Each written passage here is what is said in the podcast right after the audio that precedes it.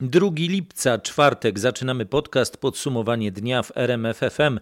Grzegorz Jasiński, witam i zapraszam. Wyrażenia klucze w wydarzeniach dnia to groźny wypadek na A1 i tłumaczenie słów premiera. Podsumowanie dnia rozpoczynamy od groźnego wypadku, do którego doszło na krajowej jedynce w Bogusławicach koło Częstochowy w Śląskiem. Zderzyły się tam dwie ciężarówki i autobus, którym jechali obywatele Ukrainy. W sumie 28 osób trafiło do szpitali, trzy są w poważnym stanie.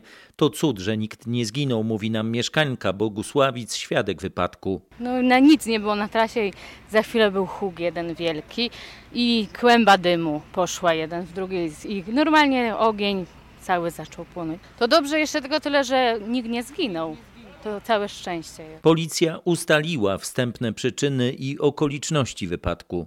Ze wstępnych ustaleń wynika, że w ciężarówce, która przewoziła sypkie materiały, doszło do uszkodzenia opony. Samochód zjechał na prawy pas i uderzył w jadący przed nim autokar. Autokar z kolei uderzył w jadącą przed nim ciężarówkę, która przewoziła materiały łatwopalne. Wiemy, że jeden z kierowców e, był trzeźwy, ponieważ został poddany badaniu na zawartość alkoholu w wydychanym powietrzu.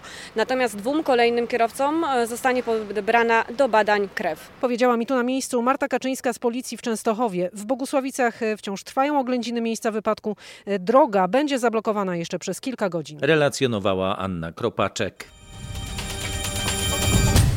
Już za 10 dni czeka nas druga tura wyborów prezydenckich. Andrzej Duda i Rafał Trzaskowski przekonują swoich wyborców, że są zwolennikami niższych podatków.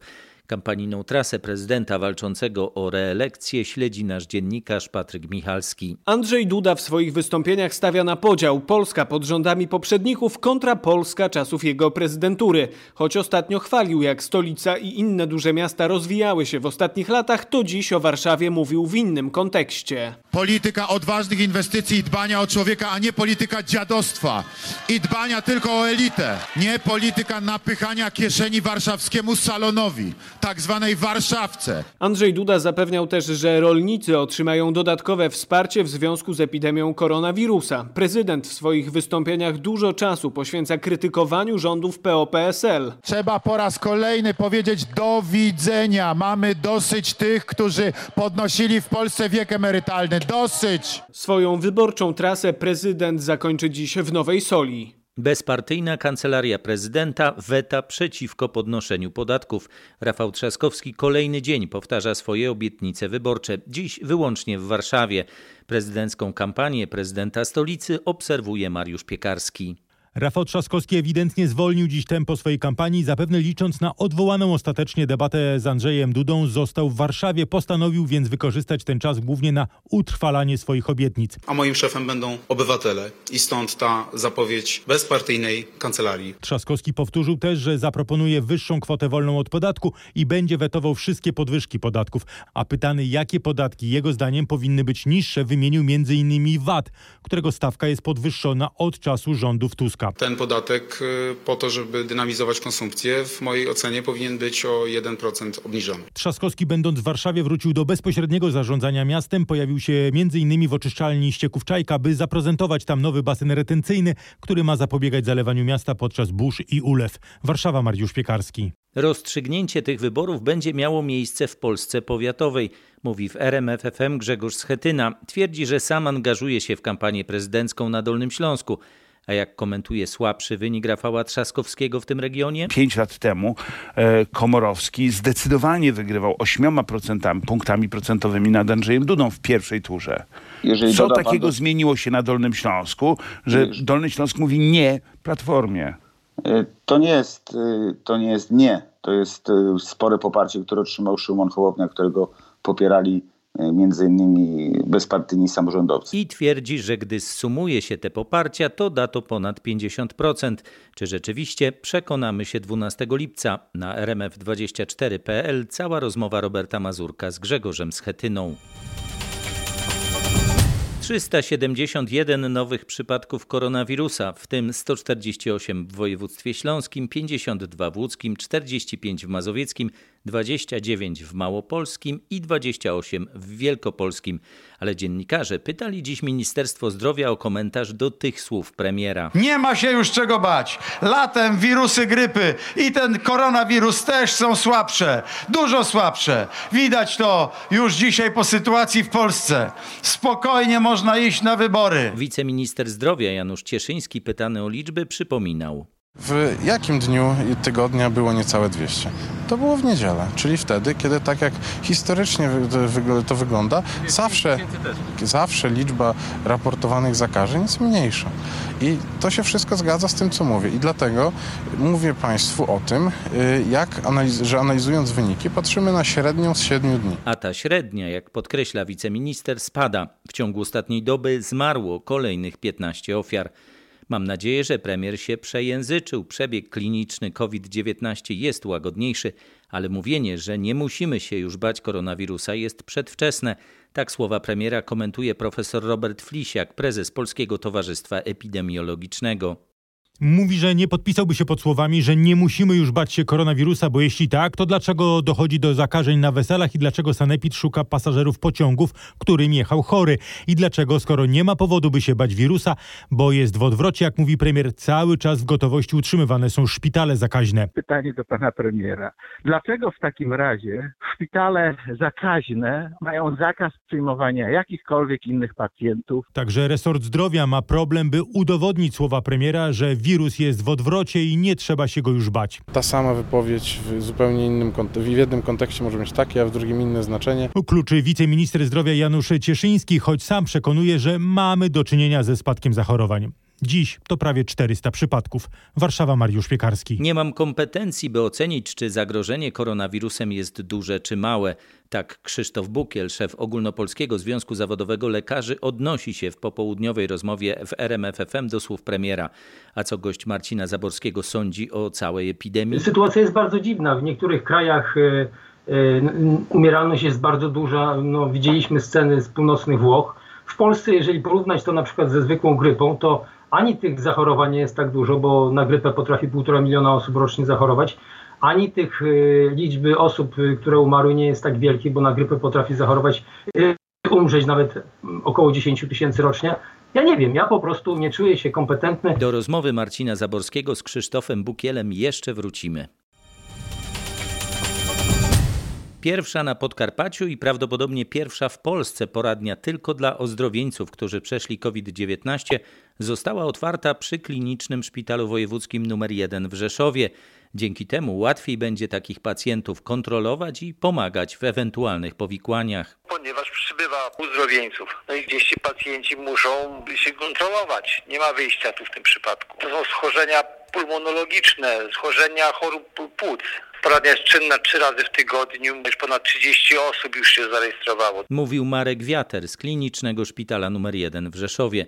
Na Podkarpaciu jest już prawie 400 ozdrowieńców. Lekarze i pielęgniarki ze Szpitala Uniwersyteckiego w Krakowie wciąż nie dostali rekompensat za pracę podczas pandemii koronawirusa. To pracownicy jedynego w Małopolsce szpitala dedykowanego pacjentom z koronawirusem.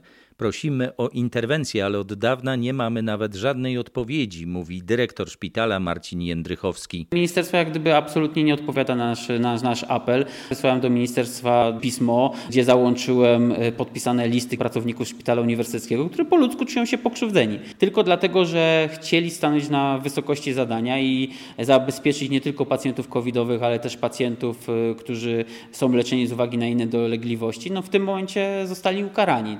Według ministerstwa lekarze opiekowali się także pacjentami, którzy nie byli zakażeni koronawirusem. 16 750 zł brutto. Taką wysokość pensji dla każdego lekarza specjalisty proponuje Ogólnopolski Związek Zawodowy Lekarzy.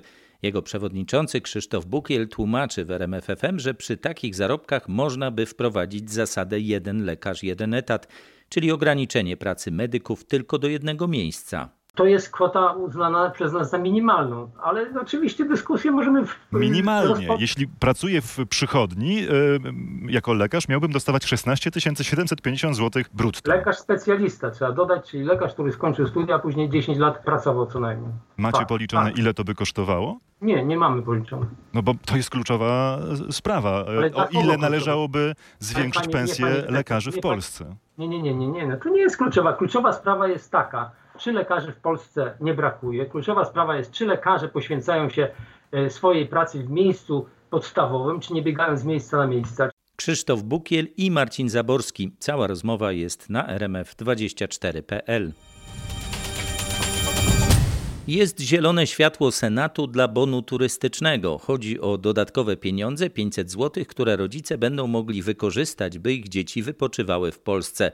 Senatorowie przyjęli ustawę o bonie turystycznym, ale z poprawkami. To przede wszystkim objęcie bonem turystycznym poza dziećmi także emerytów i rencistów oraz dzieci tych rodziców, którzy pracują za granicą. Senatorowie w sprawie bonu, jak podkreślał w czasie posiedzenia marszałek Tomasz Grodzki, zagłosowali jednomyślnie. Głosowało 97 senatorów, wszyscy byli za. Teraz ustawa trafia ponownie do Sejmu i wszystko wskazuje na to, że tam poprawki zostaną odrzucone, a ustawa wróci do pierwszego kształtu. 500 zł na dziecko na wakacje w Polsce. Rodzice będą mogli skorzystać z bonu prawdopodobnie za niecały miesiąc, pod koniec lipca lipca. Obrady Senatu śledził nasz reporter Michał Dobrołowicz. Polska jest jednym z trzech krajów Unii Europejskiej, w którym nie było szokowego wzrostu bezrobocia. W maju mieliśmy podobny poziom do lutowego, czyli do czasów sprzed epidemii. Tak informuje Eurostat, czyli Unijne Biuro Statystyczne. Gdzie teraz w Europie jest najlepiej, a gdzie najgorzej? Najlepsza trójka krajów, w których koronawirus nie przełożył się na radykalny wzrost bezrobocia, to Włochy, Portugalia i Polska. To może zaskakiwać, bo przecież Włochy i Portugalia to kraje, gdzie uderzenie koronawirusa było bardzo mocne. Tam jednak rządy wprowadziły ustawy, mówiąc w uproszczeniu, blokujące zwolnienia. U nas zadziałało z kolei wielkie drukowanie pieniędzy i pompowanie ich do krajowych firm. Nie wszędzie jednak było tak spokojnie. Najmocniej koronawirus uderzył w rynek pracy na Cyprze, gdzie bezrobocie skoczyło z 6 do 10%, na Litwie z 6 do 9%, oraz na Łotwie i w Chorwacji. Wyliczał Krzysztof Berenda. Sędzia w stanie spoczynku profesor Agnieszka Rękas będzie reprezentować Senat w Państwowej Komisji do Spraw Pedofilii. Senatorowie dokonali ostatecznego wyboru swojego przedstawiciela w komisji spośród trojga kandydatów kim jest powołana właśnie członek komisji. Profesor Agnieszka Rękas przez 30 lat pełniła urząd sędziego w wydziałach karnych, była też konsultantem w resorcie sprawiedliwości, a od przejścia 5 lat temu w stan spoczynku pracowała jako stały doradca w Biurze Rzecznika Praw Obywatelskich. Jej kandydaturę do komisji zgłosiła grupa senatorów Koalicji Obywatelskiej. Przed Senatem profesor Rękas odcięła się zaś od wszelkich ideologii i wpływów. Pedofil to jest człowiek. To nie jest środowisko, to nie jest instytucja, jakiś podmiot publiczny. To jest człowiek, który popełnia przestępstwo i który powinien ponieść odpowiedzialność za to przestępstwo, a więc nie ma najmniejszego znaczenia, kto jest sprawcą takiego czynu. Profesor Rękas poparło 52 senatorów. Do jej wyboru potrzebne było zorganizowanie drugiej tury głosowania. W pierwszej, kiedy potrzebna była większość trzech piątych głosujących, także zdobyła ich najwięcej 51 relacjonuje Tomasz Skory. W siedmioosobowej komisji do spraw pedofilii do obsadzenia zostały jeszcze trzy miejsca. W Sejmie, który wyboru ma dokonać pod koniec lipca, zgłoszono na nie dziesięcioro kandydatów. Policja wciąż szuka kierowcy i pasażera samochodu Audi Q7, którzy uciekli z pojazdu po wypadku na autostradzie A1 między węzłami Łódź Górna Łódź. Po godzinie 5 rano Audi uderzyło w Hondę Civic, której kierowca zginął na miejscu. Jak relacjonują świadkowie, dwaj mężczyźni podróżujący Audi przeskoczyli przez bariery na autostradzie i pobiegli w stronę lasu. Policja ma podejrzenia co do ich tożsamości to prawdopodobnie 38-latek z Łodzi, który był kierowcą e, oraz e, jego o 3 lata młodszy e, kolega. Podczas oględzin w samochodzie i na zewnątrz zabezpieczono dilerki z zawartością białego proszku, a także puszki po piwie, które najprawdopodobniej kupione zostało e, nieopodal na stacji benzynowej przy e, autostradzie, co zarejestrowały kamery monitoringu. Mówi Krzysztof Kopania z prokuratury okręgowej w Łodzi. Policja prosi wszystkich kierowców, których kamery samochodowe mogły zarejestrować zdarzenie, o kontakt. 28 działaczy Greenpeace oskarżonych w związku z głośną blokadą rozładunku węgla w porcie w Gdańsku. Jest akt oskarżenia w sprawie akcji z września ubiegłego roku.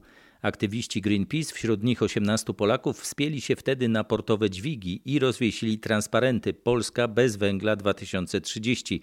Za co mają odpowiadać? Za tak zwane naruszenie miru domowego i za uniemożliwienie pracy urządzeń portowych, dwóch żurawi oraz lei rozładunkowych, czego skutkiem były straty finansowe portu. Zaskoczeniem jest jednak wysokość tych strat.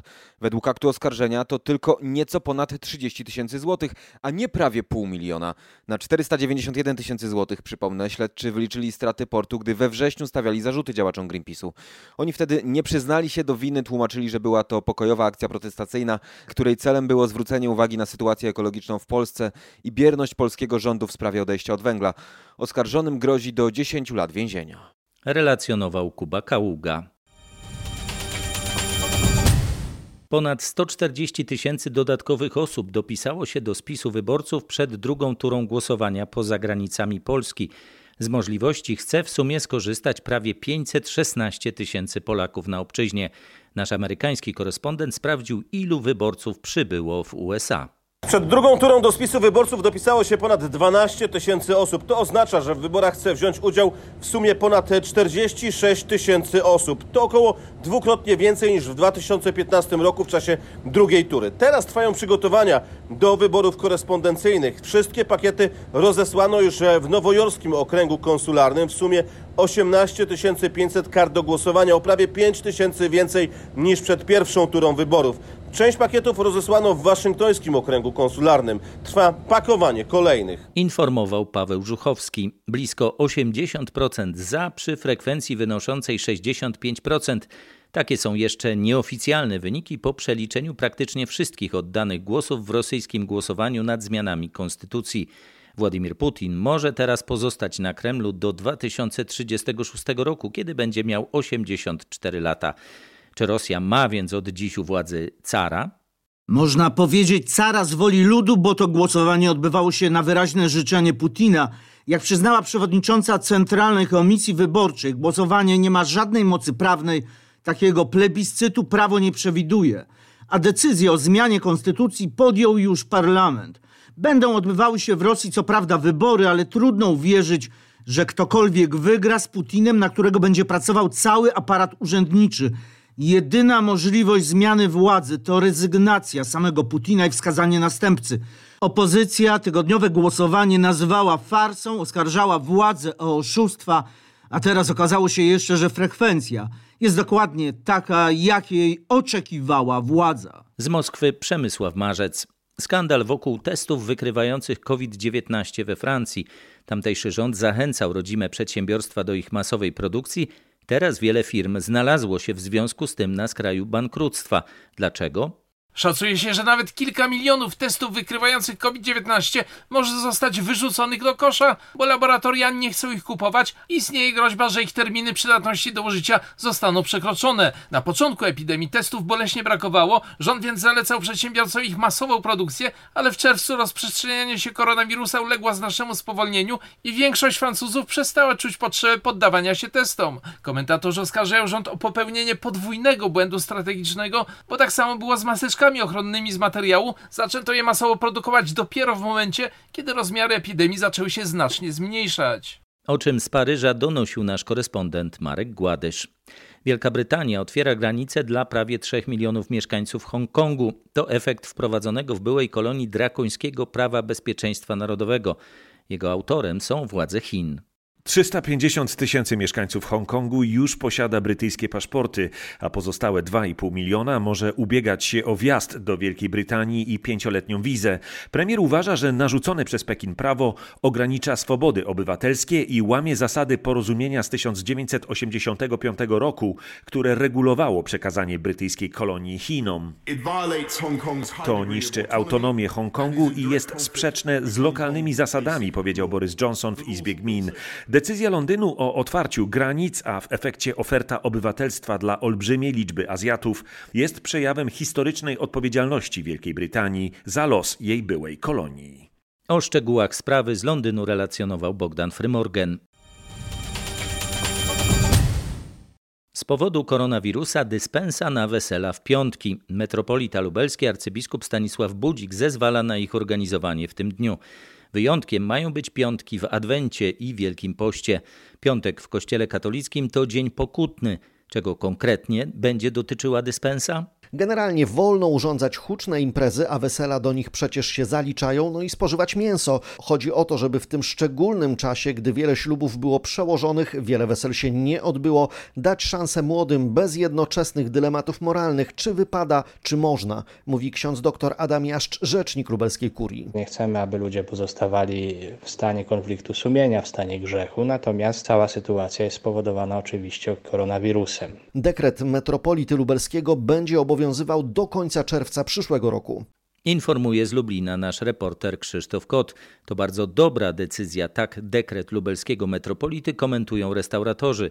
Z powodu koronawirusa wiele ślubów i wesel nie odbyło się, a terminy sobotnie są pozajmowane. Były przypadki, kiedy wesele już było zarezerwowane, po czym młodzi przychodzili i rezygnowali ze względu na fakt, iż starsze pokolenie, dziadkowie nie chcieli akurat w piątek uczestniczyć w imprezie, więc przekładali na dalszy termin, ale na sobotę. Więc na pewno tutaj biskup biskup e, ułatwi decyzję o uczestniczeniu. Przed chwilą odebrałem telefon z prośbą o przygotowanie oferty, bo za miesiąc pani zaplanowała wesele, które było już trzykrotnie przekładane. To może być dla Was też e, ratunek. Tak, dodatkowy atut na pewno i goście, jeżeli mają taką perspektywę, że mogą w tym dniu zrobić, kiedy zazwyczaj nigdy nie było takich uroczystości, po prostu może się zdecydują, jak mają e, soboty, niedzielę już dawno pozajmowane w restauracjach. Mówili lubelscy restauratorzy Małgorzata Stachyra oraz Jerzy Wójcik. Kolejne teatry wracają do gry i to gry z udziałem widzów, choć niektóre częściowo w plenerze. Jednym z tych teatrów jest Gdański Teatr Szekspirowski. Widzowie mogą ponownie zwiedzać budynek, a na scenę wracają spektakle Wesołe Kumoszki z Windsoru oraz Jak Wam się podoba. Pojutrze Teatr Bajpomorski w Toruniu pokaże najnowszą premierę Laboratorium Dźwięku o muzyce i o poszukiwaniu dźwięku idealnego. Na scenie pojawią się bardzo nietypowe instrumenty, m.in. gestofon, jajkon oraz rurofon. Również pojutrze ruszy letni ogród teatralny w Katowicach. Przyjadą teatry z całej Polski. Kapitol i Polonia z Warszawy, Teatr Animacji z Poznania czy Teatr Bagatela z Krakowa. Pokazy będą w plenerze. Repertuar na najbliższe dni przejrzała Katarzyna Sobiechowska-Szuchta z redakcji kulturalnej RMFFM. Gwiazdy światowej sceny operowej i aż sześć premier. Tak zapowiada się nowy sezon Teatru Wielkiego Opery Narodowej w Warszawie. Wśród propozycji będzie Cardillac w reżyserii Mariusza Trylińskiego. Co pana w tej historii uwiodło najbardziej? To jest opera o seryjnym mordercy, opera kryminalna. Libretto jest według opowiadania E.T.A. Hoffmana. To jest najprawdopodobniej pierwsze opowiadanie kryminalne, jakie zostało napisane, więc oczywiście z pełną ironią i dystansem realizujemy tę opowieść o okrutnym jubilerze. W ogóle sformułowanie Cardillac w medycynie, w psychoanalizie jest używane jako pewnego rodzaju symptom, choroba, która polega na tym, że artysta nie potrafi rozstać się ze swoim dziełem. Po raz pierwszy na scenie próbujemy zbudować świat science fiction, świat cyberpunk, kultury przyszłości, ponieważ w naszej interpretacji Cadillac jest opowieścią o człowieku przyszłości. Z dyrektorem artystycznym teatru rozmawiała Katarzyna Sobiechowska-Szuchta. Całą pełną podobnych anegdot rozmowę znajdziecie na rmf24.pl jako podcast w zakładce Pozwól na słowo.